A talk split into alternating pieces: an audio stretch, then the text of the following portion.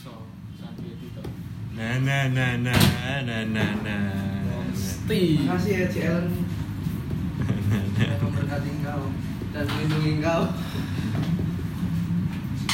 back again di birthplace of obat kuat semasa kopi Obat-obat.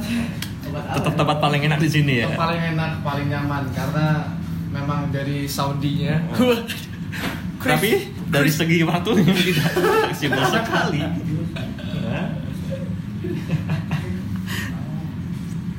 Hari ini lanjut lagi mengenai topik yang sebenarnya berkaitan dengan yang episode 1 ya Mas ya. Tapi perbedaannya adalah kita beramai-ramai sekarang. Ya. Oh belum belum bumper mas. ya udah dengerin bumper ya. Ya ini dengerin bumper.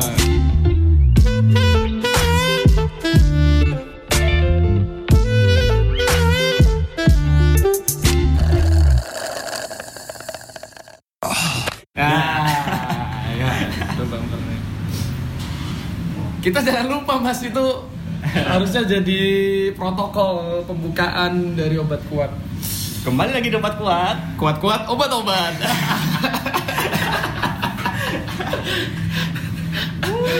Hari Kita ini kayak- rame. Kita bikin tagline nggak nggak kepake yang Iya. obrolan hangat, nggak kaku, nggak syahwat. tidak pernah terpakai. pernah kepake karena itu kepanjangan kita nggak Iya. suka yang panjang-panjang karena Iya. kita, kita punya kecil.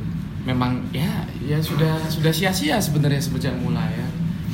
Kita kembali ke obrolan yang kemarin itu tentang kemarin kita bahas tentang sosmed. Oh. Sekarang lebih mendalam lagi. Cuman karena ada yang miss, kita Ada yang miss. harus dikoreksi di situ. Mau dikoreksi sekarang apa sekalian kita kilas kita Enggak, enggak, enggak perlu kilas balik ke Swan. Oh. Eh, Swan, Swan. terlalu lama kesuwen. Wah. Ini yang nonton banyak loh mas. Hah? Paling situ-situ kita nggak sendirian. Kita nggak sendirian bersama sahabat sahabat sahabat tercinta. Ada ada cewek nih. ada cewek, Wah. cewek ber eh, Cakep. cakep, ber, ya. berperawakan eh, 3B, security. 3B. apa? 3B. 3B itu apa? Brain beauty behavior. Wow. Oh. Ini kalau mayatnya aja gua beli nih. Mas speakernya di kecilin gitu ya mas. Iya, iya. Kalau apa? Mayatnya gua beli. Karena lagi nggak ada kuliah, katanya meliburkan diri. Iya. Ada juga cowok tertampan di Semarang. Aneka kangen pen lewat. Uh, hip hop master from Semarang. Please welcome Mr. Ricky Ravenelli. Yeah, yeah, yeah, yeah. Tuan endorsement. Tuan endorse. Itu baru kali ini loh, eh, tukang penerima endorse tapi pilih-pilih barang. Iya. Dia nawar. kalau barangnya ini boleh nggak? Waduh. Tetap itu itu ada di dalam darahnya, Mas. Uh. Kalau rasis, Bu. Kita langsung lanjut aja mengenai Oh, yang cewek belum dikenalin. Oh iya. Cewek dengan ber- berperawakan cowok. Miss Felicia Ellen Carr.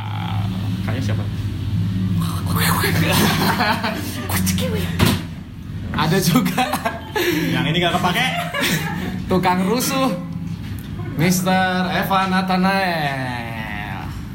Oh, Udah cukup perkenalannya ya Mas ya. Karena sebenarnya kita tidak membahas mengenai manusia-manusia ini. Iya. Karena manusia ini cuman mau bareng-bareng ngobrol. Pansos, Kita- pansos. pansos, pansos ya. Karena mereka juga pengangguran.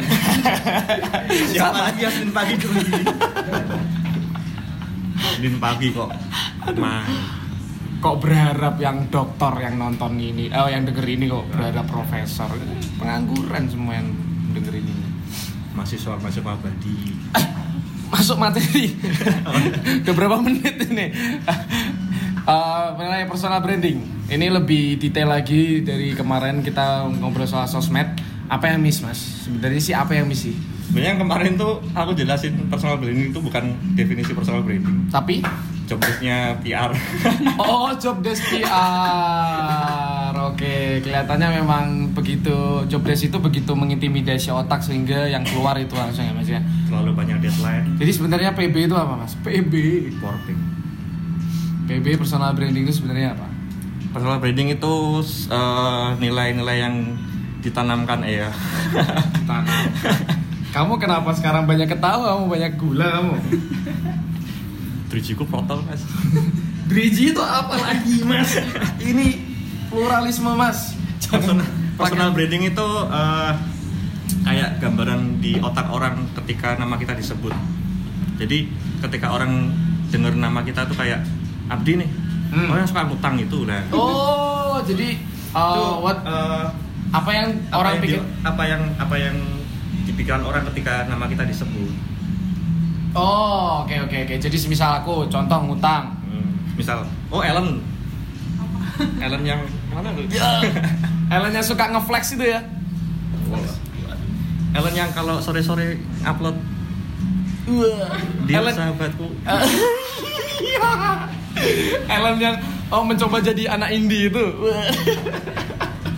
Atau Ricky yang Nyeruput pop mie. Jadi PB uh, personal branding tuh sebenarnya definisinya itu secara lebih- ini secara ya, praktis. ya. Secara praktis adalah image lah image image. bagaimana orang itu dikenal dalam istilahnya kayak kekasan ya mungkin ya Mas ya. Ya, kayak contoh misal. Semarang brandingnya Lumpia. lumpia, Surabaya eh, Surabaya mungkin eh, Panas, panas. eh, wali kota yang marah-marah mungkin ya mungkin Bandungan? Kita langsung lanjut mengenai eh berarti sebenarnya kalau personal branding itu setiap orang itu punya personal branding masing-masing. masing-masing. Dan- Jadi ada orang yang dari lahir tuh emang udah dapat personal branding tuh pasti. Kayak Gempi, Gempi, Gempi itu kan. Eh, Oh, Gempi apa. Gempi sih? Harusnya sih gempi ya. Lan, Yang- Gempi apa Gempi? Saya juga kurang tahu. Gempi apa Gem- gempi deh mas? Gempita. Gempita, gempita namanya. Gempil, Gempil. Gempi. Gempi. Oh gempi. Nah itu kan dari dari lahir dia udah dapat personal branding kalau dia anaknya artis. Mm-mm, Oke. Dia uh, dapat personal branding karena anaknya artis. Ini menarik nih. Bagaimana orang bisa tahu kalau dia anaknya artis gitu? ya? Itu yang menarik mas. Lah, lah kan masukkan infotainment cuk. Nah iya itu. Justru itu kan juga bisa dibahas itu. Jadi ada personal branding itu juga perlu istilahnya kayak ada tahap-tahap di mana orang mengenal kan. Nggak mungkin tiba-tiba langsung misalnya aku kenal Hmm. Mas Arif. Oh kamu yang suka nggak ganti sempak kan nggak mungkin. Seorang perlu kenalan yang lebih dalam. Oh bisa tuh kalau langsung kenal langsung dapat pencitraan yang eh, langsung orang dapat. Dapat Oh yang bau itu. Wah.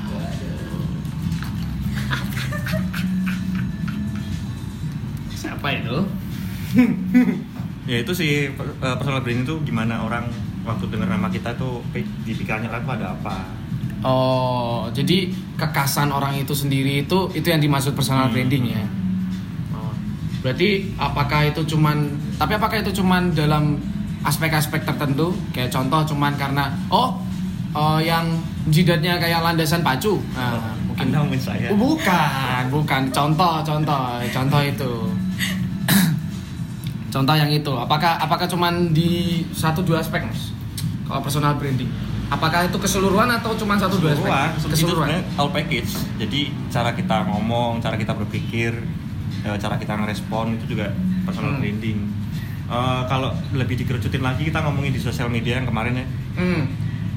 Jadi orang kalau lihat feednya kita tuh udah tahu kalau kalau mau nyari ini lari ke profilnya. ya. Ya, misal misal kamu mau nyari hal-hal yang galau, yang cuma isinya Oh, ngomong-ngomongan, iya. ada lagu-lagunya.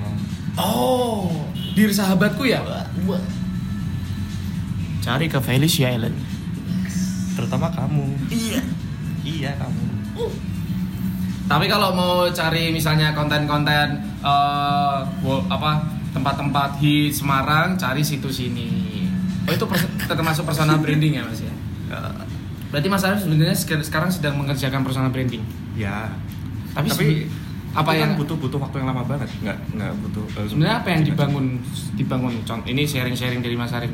Yang dibangun itu. Di personal branding yang Mas Arif buat, apa yang sedang Mas Arif bangun? Jadi sebenarnya? situs ini kan ngomongin soal kafe-kafe yang ada di Semarang. Itu Hmm. itu sampingan sih. Eh, jadi ada konten utamanya tuh ya ngomongin macem-macem lah. Sharing macem-macem. sharing macam-macam. Cuman memang Tapi kan harus Tapi- membentuk suatu kekasan. Ya kekasannya adalah setiap minggu itu di tempat yang berbeda. Itu yang kekasan yang Mas Arif mau Iya. eh, istilahnya mau gadang-gadangkan gitu kan ya. Dan situs ini tuh punya keuntungan karena di Semarang tiap tiap bulan tuh ada 10 lebih kafe baru. Jadi nggak bakal kehabisan tempat ya. Iya, iya. Kecuali ini ya. Ini seperti studio kita. Kita Oh iya iya, ini ini karena kita kan dalam konteks mencari ketenangan ya keheningan. Jadi Mas Arif juga eh, membangun personal brandingnya dan ternyata juga menggunakan media sosmed. Ya. Jadi sosmed itu sebenarnya sebenarnya personal branding apakah cuma di sosmed atau bisa dipasarkan di Bisa di mana-mana.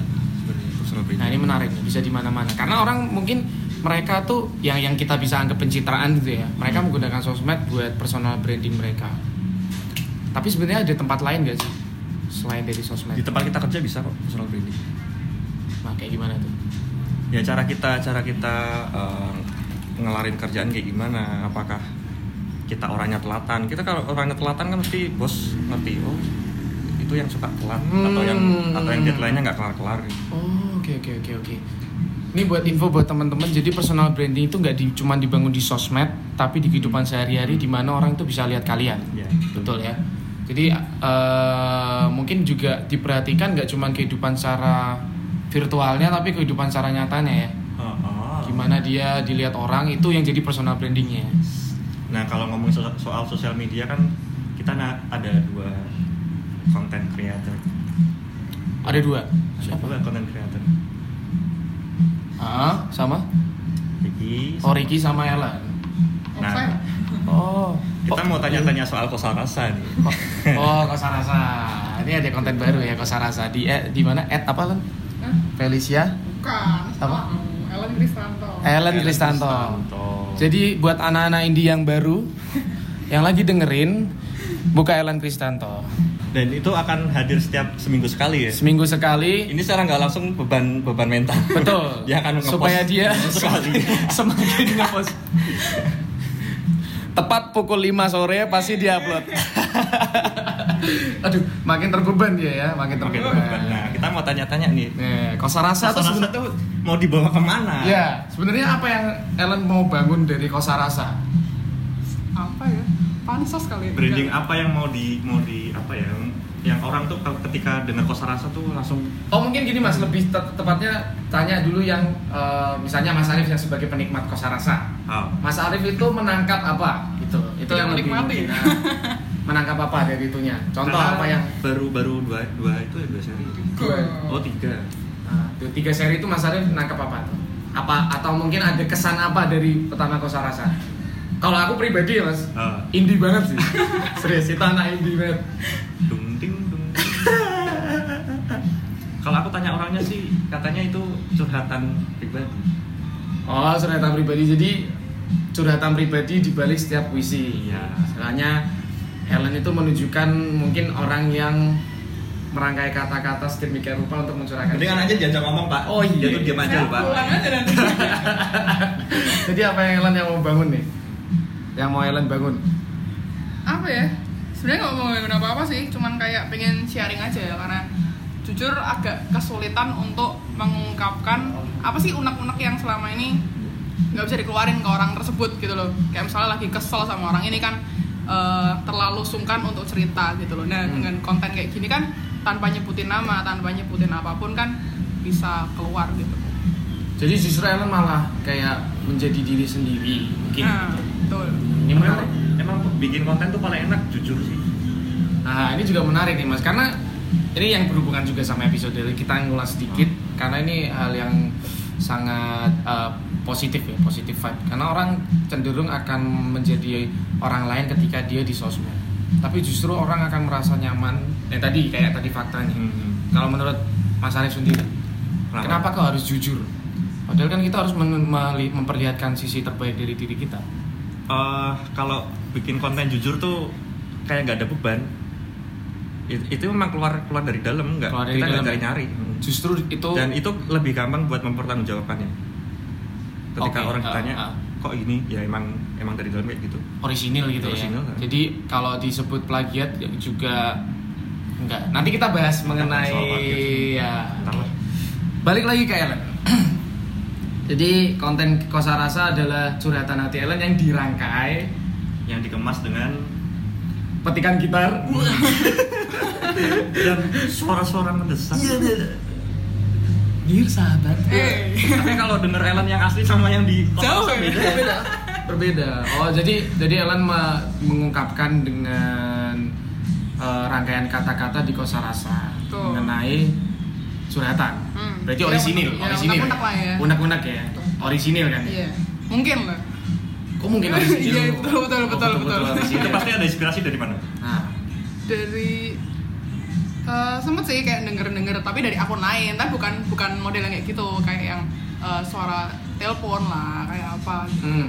cuman sempet juga kayak nyoba ah bikin yang bener-bener bukan monolog bukan dialog gitu Hmm. ya cuman aku pengen cerita aja makanya nyobalah seperti itu sarasa ya Itu waktu pertama kali bikin ada perasaan gini nggak kayak ntar kalau didengar orang responnya gimana ya? Hmm. Apakah ntar dapat banyak likes? nah itu ya ntar datang hujatan-hujatan yang di di mungkin jadi problem utama orang-orang yang Iya. tidak berani bikin konten kan dan akhirnya nggak bikin apa-apa. Nah akhirnya nggak bikin apa-apa dan akhirnya cuma bisa mengomentari konten-konten lain.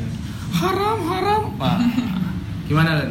ya pasti pernah lah ya kayak pertama kali pasti mikir ini orang-orang bakal apa ya aneh nggak ya dengan ngelihat aku yang seperti ini di aslinya Hmm. dengan kontenku yang seperti ini gitu Hmm. tapi ya toh ini juga aku kan cerita dari aku sendiri kalau misalnya orang nggak mau menikmati pun juga nggak masalah toh aku juga mengeluarkan apa yang ingin aku ungkapkan gitu Sisi lain dari Ellen. Iya. Tapi itu hal menarik mas. Orang jus- jus- justru kalau yang bikin konten jujur dan nggak ada pencitraan dia orisinil, dia nggak ngerasa Ya nggak sama beban. hmm, ngerasa beban kalau orang komentarin, "Oh, Ellen kayak gini ya." Bisa aja gitu. Karena di orisinil gitu. Dan di sosial media kan eh, soal personal branding ini kita punya pilihan mau dikenal sebagai siapa kan. Iya.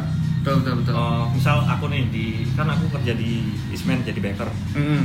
Nah di sosial media tuh aku punya pilihan mau orang eh, aku mau dikenal orang tuh sebagai baker atau Sebagai seseorang yang punya interest yang lain. Oh, oke oke oke. Itu Kayak, dibangun di personal branding. kayak graphic design atau mungkin kan orang taunya Ellen di kampus ya mahasiswa biasa Mahasiswa biasa. eh Nah ternyata di sosial media dia bisa bikin kayak gitu kan Iya, ternyata itu kalau aku baca di pas pertama komen-komen juga orang-orang pada takjub loh. hmm. Aku juga sendiri lihat-lihat oh, wih, pemilihan katanya itu sungguh dalam. Kan kalau kalau jujur gampang kok pasti pasti nyampe, nyampe. Teman-teman yang mau ber- yang sekarang lagi bikin konten yang eh, tidak apa adanya diri kalian, hapus konten kalian, bikinnya apa dirinya apa yang apa adanya ya. Ya. Kayak saya nggak bikin konten.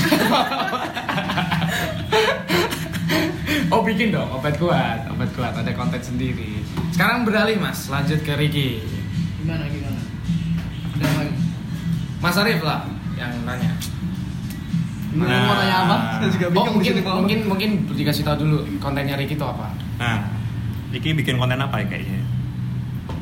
Kalau saya lebih ke kalau orang bilangnya orang-orang selebgram gitu pada bilangnya fashion enthusiast.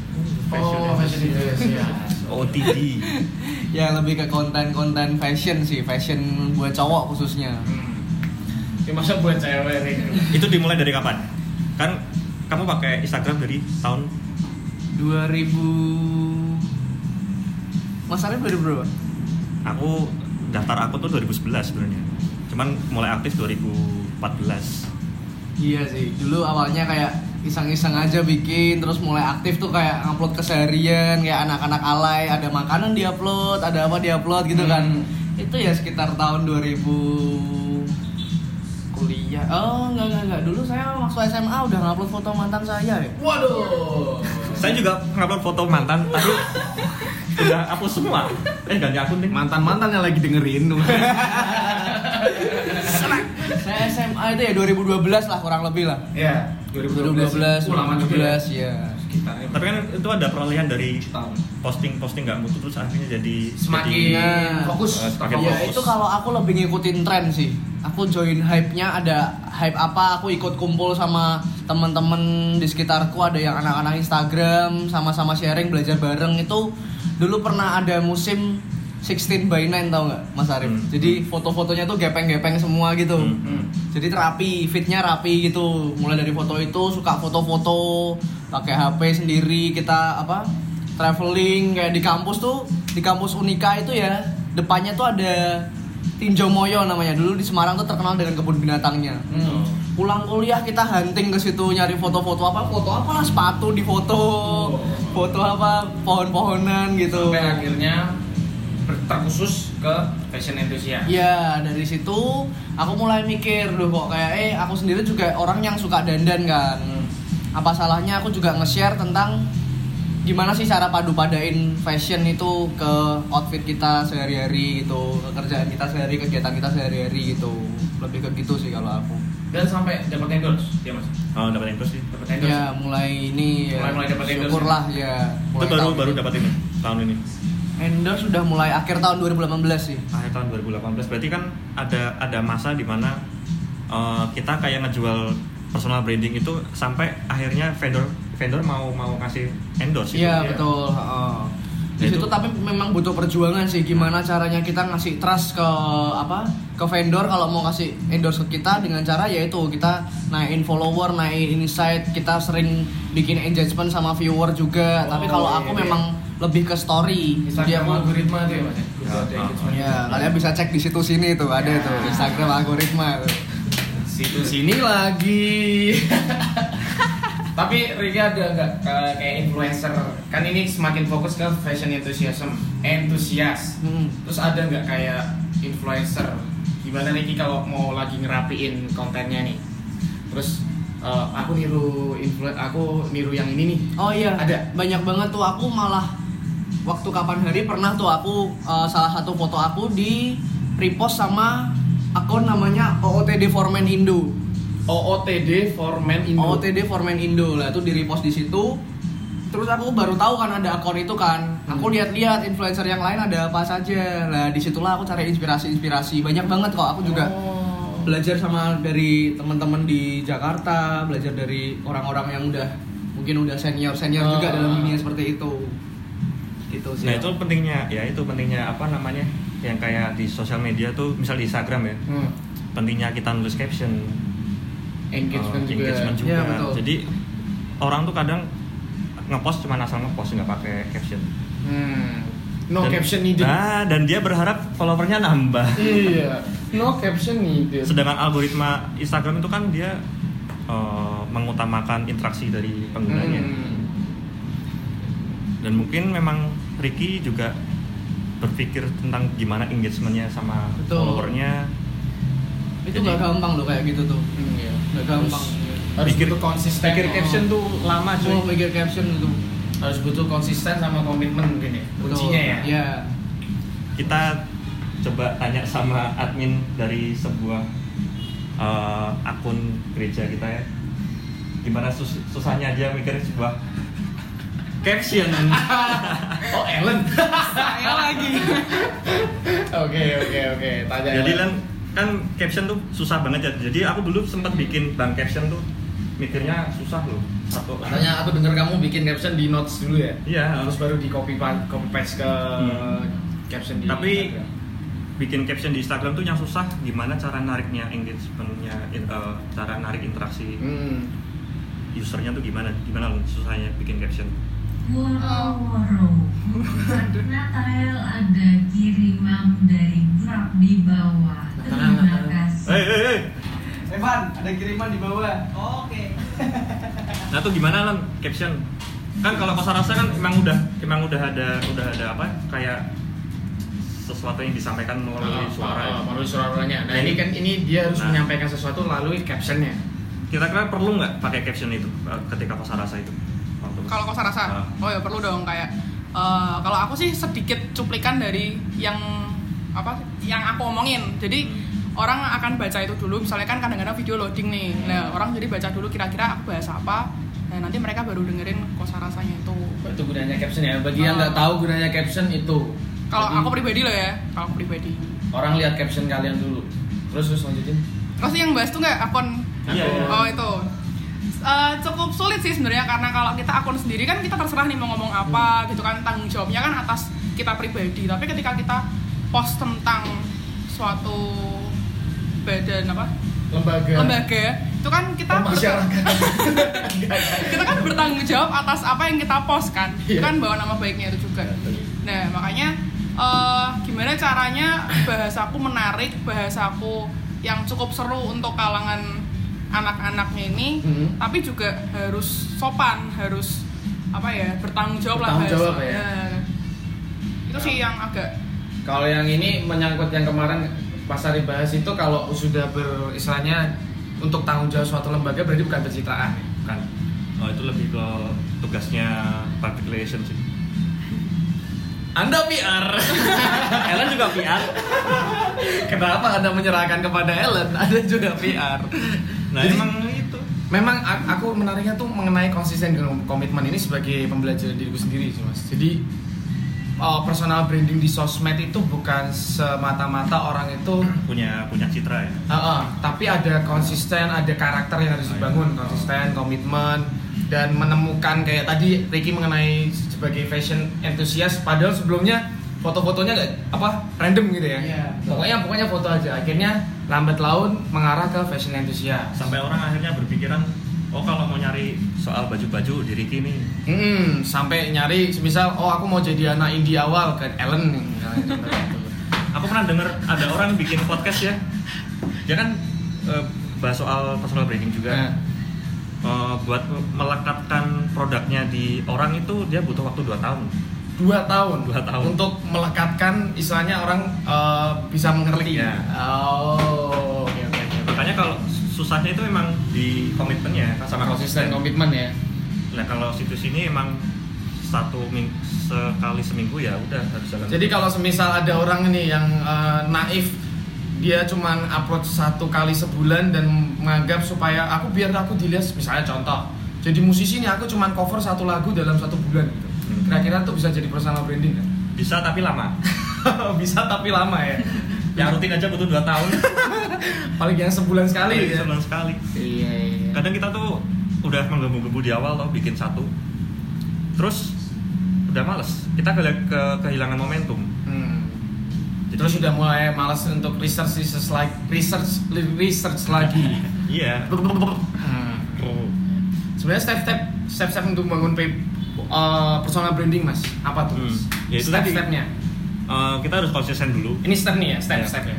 Yang pertama. misal, misal kita bikin konten kalau eh, kita udah dijadwal ya Hmm. seminggu sekali ya seminggu sekali Seminggu sekali. Hmm. Contoh obat kuat ini. obat kuat seminggu sekali Sore ini akan tayang. Wah. dan kosa rasa story ini akan tayang Kalau situs ini jam berapa malam ya kita miss miss hari nggak apa-apa lah cuman ya kalau bisa seminggu sekali seminggu sekali kita nggak nggak- jangan belajar konsistennya ya untuk bangun konsistennya. Soalnya kan orang harus ingat terus. Terus selanjutnya rutin kan. nah kita harus fokus juga. Misal kosa rasa ya fokus di di itu di Puisi dan sharingnya dia ya. uh, sharingnya dia dalam kalau bentuk kalau soal fashion ya kita harus fokus di itu. Jangan jangan bercabang-cabang. Iya. jadi in- eh, orang tuh juga terfokusnya di situ. Terus misal situs ini fokusnya di foto sama konten ya jangan sampai ke mana-mana bahasanya misal kok tiba-tiba ada liputan orang wedding Waduh. ada liputan iya. orang sunatan Atau dia nge-repost uh, Instagram Instagram lain gitu ya. paid promote Waduh, paid promote. Awal, awalnya situs ini tuh orang juga nggak pada tahu tapi masuk ke bulan kedua tuh orang udah pada nagih Dia pada nagih ya. Ini kapan mas upload mas? Kapan upload mas? Nah itu udah mulai udah mulai sih. Dan mungkin kosa rasa juga ada target orang pada pada tahu atau target pribadi itu konsisten dulu atau gimana. Hmm, Eh, ya itu sih cuma paling konsisten aja sih konsisten, mulai konsisten. apalagi sebenarnya kan nggak mau rutin tiap senin ya pokoknya cuma seminggu sekali kita sudah menyebut ini akan rutin, Anda akan Anda sudah terbebani. disaksikan satu Semarang yang mendengar. Ya, jadi tolong kosa rasa, kosa rasa di Ellen Kristanto setiap hari Senin sore. Senin sore. Malam aja. Pasti upload. Kalau kalau nggak upload coba di DM. ya anak-anak indie mungkin. Terus and uh, ketiga nih mas, step step selanjutnya, selanjutnya dan ketiga ya selanjutnya. Ya itu tadi kita eh, harus apa ya sering-sering perbanyak apa namanya influencer apa sih referensi Uh, referensi. Hmm. Perbanyak referensi ya. kalau ya kalau misal foto-foto ya kita liatin orang-orang yang fotonya bagus Ini mengenai referensi nih mas. Apakah kalau semisal kita menggunakan referensi itu udah termasuk plagiat? Karena kan maksudnya aku mau nih, aku mau jadi yang berbeda mas. Aku nggak mau ikut orang lain. aku punya jawabannya tapi karena kita punya narasumber ya kita tanya ke narasumber Oke silahkan. Gimana? soal referensi Referensi. Hmm. jadi kan ada orang yang udah pasti ada nggak ada sesuatu yang 100% original kan kita mesti terinfluence dari beberapa Hmm. orang nah biar orang tuh ngelihatnya kita nggak plagiat tapi kita punya punya brand sendiri tuh gimana kita punya punya ciri khas sendiri Karena banyak orang yang menunda-nunda karena mereka cuman secara naif ya.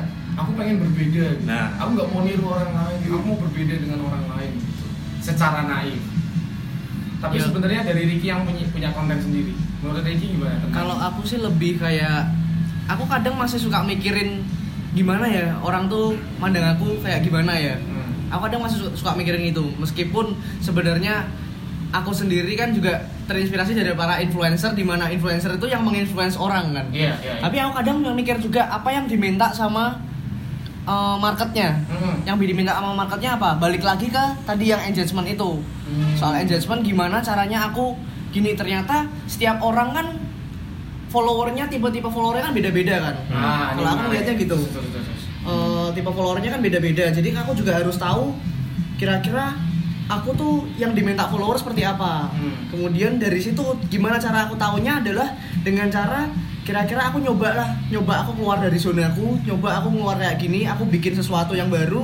Kira-kira engagement itu sendiri juga naik atau enggak dari Instagram? Maksudnya dengan eh, kira-kira rame enggak kontenku itu rame nggak buat Hmm. orang di situ kalau rame berarti aku cocok aku bisa tumbuh dari situ dan aku uh, bisa dapat originalitas dari situ sendiri meskipun terkadang memang tadi kan uh, Abdi bilang kalau masih terinfluence dari orang kita referensi tadi dari Hmm. orang itu memang itu pasti butuh sih karena buat kamu kayak starting up gitu kamu tetap Oh. pasti kan butuh kayak Jadi gitu kalau kita terinfluence orang itu sebenarnya nggak masalah ya. Nggak masalah Padahal kalau karena aku. orang tersebut punya mungkin punya konteks yang berbeda dengan kita. Mm-mm, betul Yang pada akhirnya nanti otomatis engagement kita pribadi yang itu menentukan Mm. originalitas kita. itu proses lah awalnya Proses. kamu pasti juga eh, lihat-lihat belajar dari orang tapi Oh. lama-lama kamu kalau udah tahu celahnya kamu bisa cari sendiri kamu bisa nemuin originalitasmu pasti sendiri ketemu kan. Iya. Jadi teman-teman yang mulai menyerah ini dan menganggap mungkin ah, ini mas pesan-pesan mas mungkin yang bagi orang yang nggak mau belajar karena dia takut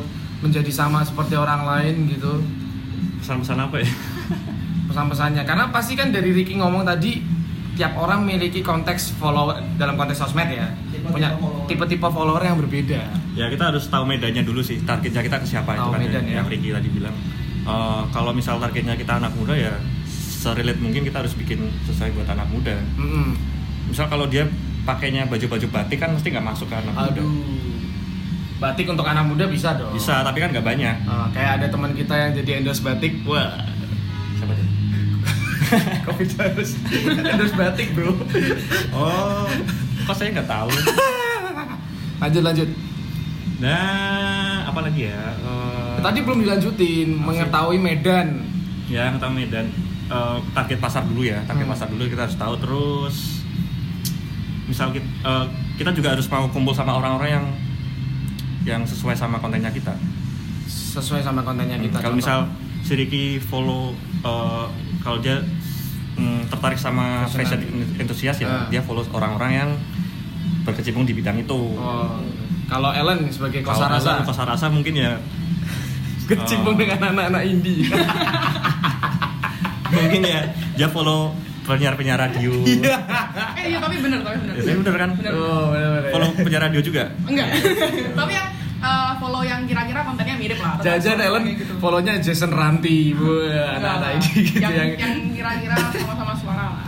oke oke tapi orang tuh takut ya uh, bikin konten tuh dia ya itu tadi pikiran-pikiran kayak ntar following siapa ya Mm-mm. Eh, akhirnya malah nggak bikin apa-apa Iya, justru Kan malah harusnya dia ya. belajar iya harusnya dia belajar dari situ Eh, kalau- soalnya kalau kita nggak bikin apa-apa kita mau evaluasi apa dong? Nah, ini kita tidak bisa menilai kertas kosong bapak kertas kosong, tidak ada tulisan, tidak bisa dievaluasi. ya kita ya misal kita eh, kesulitan bikin caption ya kita nyontoh dulu nggak apa-apa lah Ini jadi penyemangat kita untuk setiap Senin bikin obat kuat juga ya Mas ya. ATM ATM ATM ATM tuh. amati tiru modifikasi Wah. Ulangi Mas lebih pelan-pelan lagi. ATM Eh, amati tiru modifikasi ya, itu kuncinya. Ini waktu kita bikin podcast ini pun juga ya kita sering-sering dengar podcast dari orang Betul.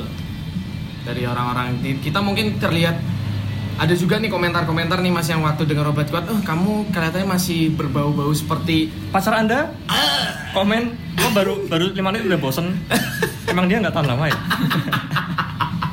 karena itu nonton obat gua supaya gua. dikuatkan ya. Jadi teman-teman yang sudah mulai stop belajar eh, karena hanya istilahnya dia takut untuk menjadi sama seperti orang lain, influence itu kayak tadi Ricky bilang ya. Pertama tuh untuk jadi kayak apa Rick tadi Rick? Batu lompatan apa apa? Jadi kayak influencer tuh jadi kayak apa tuh? Referensi. referensi ya referensi itu jadi kayak istilahnya tolak ukurnya dulu Iya, nanti mulai dari engagement engagement orang yang mengomentari mengenai personal branding kalian nah justru di situ muncul originalitas dan yang bikin terhambat tuh orang mikirnya gini apakah ini lebih baik punya orang eh bikinanku ini lebih baik dari punya orang eh waduh jadi baper langsung ya. terus, terus? aku baca baca quotesnya Panji kan yang bisa tak pakai. Hmm. sedikit lebih beda lebih baik daripada sedikit lebih baik. Itu diterangin lagi mas. Mungkin terlalu- sedikit lebih beda Ah. lebih baik daripada sedikit, sedikit lebih, baik. jadi kita lebih lebih lebih baik bikin konten yang agak beda ketimbang versi baiknya dari orang lain. Better better versionnya. Oh, jadi tetap munculin originalitasnya Ah. walaupun itu sedikit Ah. ya. Daripada kita bener-bener niru plek ketiplek Ya. nah intinya gitu. Niru dan berpikiran ini lebih lebih better dari punya orang. Padahal. Padahal.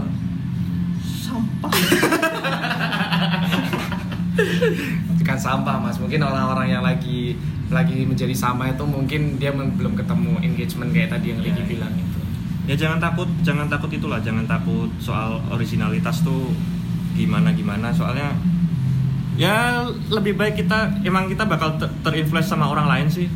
Hmm. kalau kata kita bilang tidak ada yang baru di dunia ini. Wah. Tidak ada yang baru di bawah kolong langit. Kata pengkhotbah khotbah. tidak ada hal baru di bawah kolong langit. Masuk masuk masuk ya itu sekilas mengenai oh bukan sekilas itu udah sangat dalam ya bagi orang eh, bagi teman-teman yang lagi berkecimpung di personal branding khususnya di sosmed dan juga mungkin ini juga pengetahuan umum mengenai personal branding ya di kehidupan sehari-hari jadi bangunlah personal brandingmu itu yang tadi pertama yaitu bukan cuman di sosmed tapi juga di kehidupan sehari-hari itu bahasa hari-hari bisa terus bangunlah apa yang ada di dalam dirimu ya, Ya. misalnya originalitas dari dalam dirimu.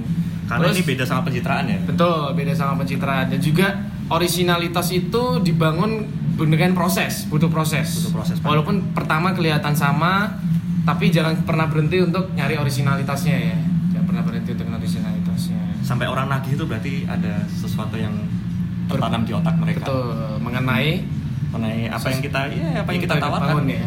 Justru itu jadi personal brandingnya dari kita sendiri. jangan jangan takut lah Jangan takut. Takut takut takut lapar Iya, apa-apa, nanti. ya kan? Lapar. Nanti malah nggak makan. Iya. Iya bener lapar gak makan. Oh, iya. Lapar gak makan kamu ya? Itu nggak makan apa nggak punya duit? Tidak dibahas di sini. Oke. Eh, cukup kita sekian buat nanyain dulu dong nanyain masih nanyain mas Masih nanyain. masih nanyain nanyain siapa adakah pesan-pesan untuk oh iya iya Para iya, pendengar iya. Ellen. para pendengar Ellen kosa rasa mungkin dia tuh aslinya bawel loh kenapa dia di sini jadi pendiam ya iya nggak tahu Saya bingung mau ngomong apa. Kalian saya ngomong saya pendiam malah di sini jadi seakan-akan seakan-akan semasa ini jadi eh, radio ya radio berantena ya jadi Iya. ini padahal santai aja nih kan pesan-pesan ya? kalian kan. pesan-pesan nggak apa-apa aku waktu lihat live-nya mereka di I Worship tuh yang di radio Hmm. mukanya tegang-tegang kayak mau diwawancari malaikat pencabut nyawa mukanya tegang-tegang banget Gimana lah orang kampung mas Gimana pesan-pesan buat nih dari uh, owner ak- akun Kosa Rasa Ini untuk yang apa nih? Untuk pendengarku apa? ya pendengar pendengar Apa ya? ya semuanya lah semua semua orang kalau yang mau bikin konten gitu Hmm, ya kalau aku sih ya pokoknya pede aja sih. Nyoba aja. Kalau misalnya memang nggak suka ya dihapus ganti lagi. trial dan error Iya, dan error, gitu. ya. Dan error. Nyoba Oke, aja pokoknya. sampai saya nyoba aja Hmm. sekarang dari Mr. Ricky Ravaneri Mr. Pesan-pesan apa nih buat Buat pesan-pesan buat, buat- orang buat konten kreator yang mau mulai lah yang mau mulai. Oh, ya itu bener-bener kata si Ellen tadi sih. Jangan malu, jangan malu. Kamu coba ekspresikan, ceritain lah ibarat ins- buatlah eh, sosial media itu sebagai kayak buku-buku dia dari kalian gitu loh. Kayak dulu kan waktu SD kan pernah kan biasanya kan Oh. orang-orang bikin buku diary, dear my diary ya gitu. itu buatlah kamu ceritakan apa aja ya, gitu. ceritakan coba ekspresikan apa yang kamu suka apa yang kamu lagi apa lagi kuasai lagi alami gitulah. Kamu share ke orang-orang jadilah inspirasi juga buat orang-orang di sekitarmu jadi gitu. inspirasi. Tagline banget ya. Gak asing tagline dari inspirasi inspiration for everyone. Ah, iya iya. Kita arahnya ke sana juga akhirnya. Akhirnya kita kepake Nah, pelayanan untuk Mas Arif, untuk Mas Arif ini sebagai konten kreator yang sangat uh, revolusioner. Revolusioner Apa Mas pesan-pesannya Mas? itu sih tadi konsistensi Konsisten ya, konsisten kom- komitmen, ya dong ini emang, emang susahnya di konsisten kan konsisten komitmen ya. soalnya kalau kita apalagi kita udah kerja ya udah kuliah ya Ini menggugah saya untuk bikin konten ya Mas ya. ayo Oh, bikin lah cover cover lah Iya sih. Masih saya mau mulai sih Mas, cuman uh, lagi bingung. nyari vokalis ada Ellen Saya lagi. Aduh. Ellen bisa dipakai. Eh maksudnya bisa bisa Bisa bisa, di bisa, bisa dibahas bisa diajak oleh maksudnya. Bibir kamu belum diselepet. bisa bisa diajak oleh. Iya, iya, iya, iya. pergunakan pergunakan tenaganya lah. Pergunakan tenaga tenaga. kalian kuat kok. Iya iya iya. Oke, cukup hari ini untuk obat kuat. Eh, cukup menguatkan teman-teman yang lagi membu- memulai eh, membuat konten. Ya. Termasuk saya sendiri sebagai orang yang ditunggu ya eh, ditunggu. minggu depan satu Ah, sudah minggu, disebut. minggu depan hari Senin dari Untuk- Senin itu harinya konten Untung, untung saya audio kreat apa audio editing ya berarti saya tit gagal. Saya akan coba membuat konten kreator yaitu cover-cover ya. Ya Minggu depan. Aduh, aduh, aduh. Ya cukup sekian untuk uh, episode kedua. ketiga ayo kedua nih Episode kedua dari obat kuat. Uh, stay healthy. Stay beauty Stay. Ayo cepat loh, stay apa? Ayo harus cari. Apa? Aduh. Cepat-cepat apa yang terlintas? Stay stay seksi ya, udah ada. Itu aja udah Ayo, nggak coba usah. ngomong Apa? apa? Ngomong dari dirimu. stay clean Stay clean apa tuh? Stay safety ya sudah semua ya. Apa ya? Stay strong. Stay Waduh. strong dari Riki, Riki. stay up stay cool Nanti ada stay positif juga Stay guys positif, stay ya. positif yang penting Dan buat buat kamu stay with me ya sampai jumpa di episode selanjutnya yang semakin sampah ya. Dadah, bye bye, bye bye, bye.